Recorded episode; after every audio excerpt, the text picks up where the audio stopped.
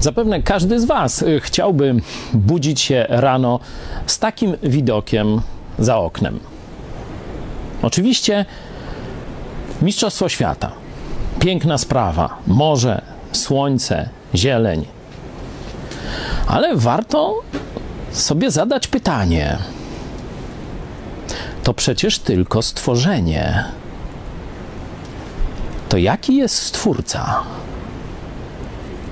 Jeśli stworzenie jest tak piękne, to jak piękny i wspaniały musi być stwórca.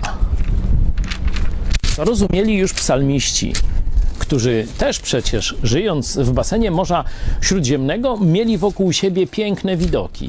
A w Psalmie 17 czytamy takie słowa: Kiedy się obudzę, nasycę się widokiem. Wiesz jakim? Chciał się nasycić widokiem? Psalmista?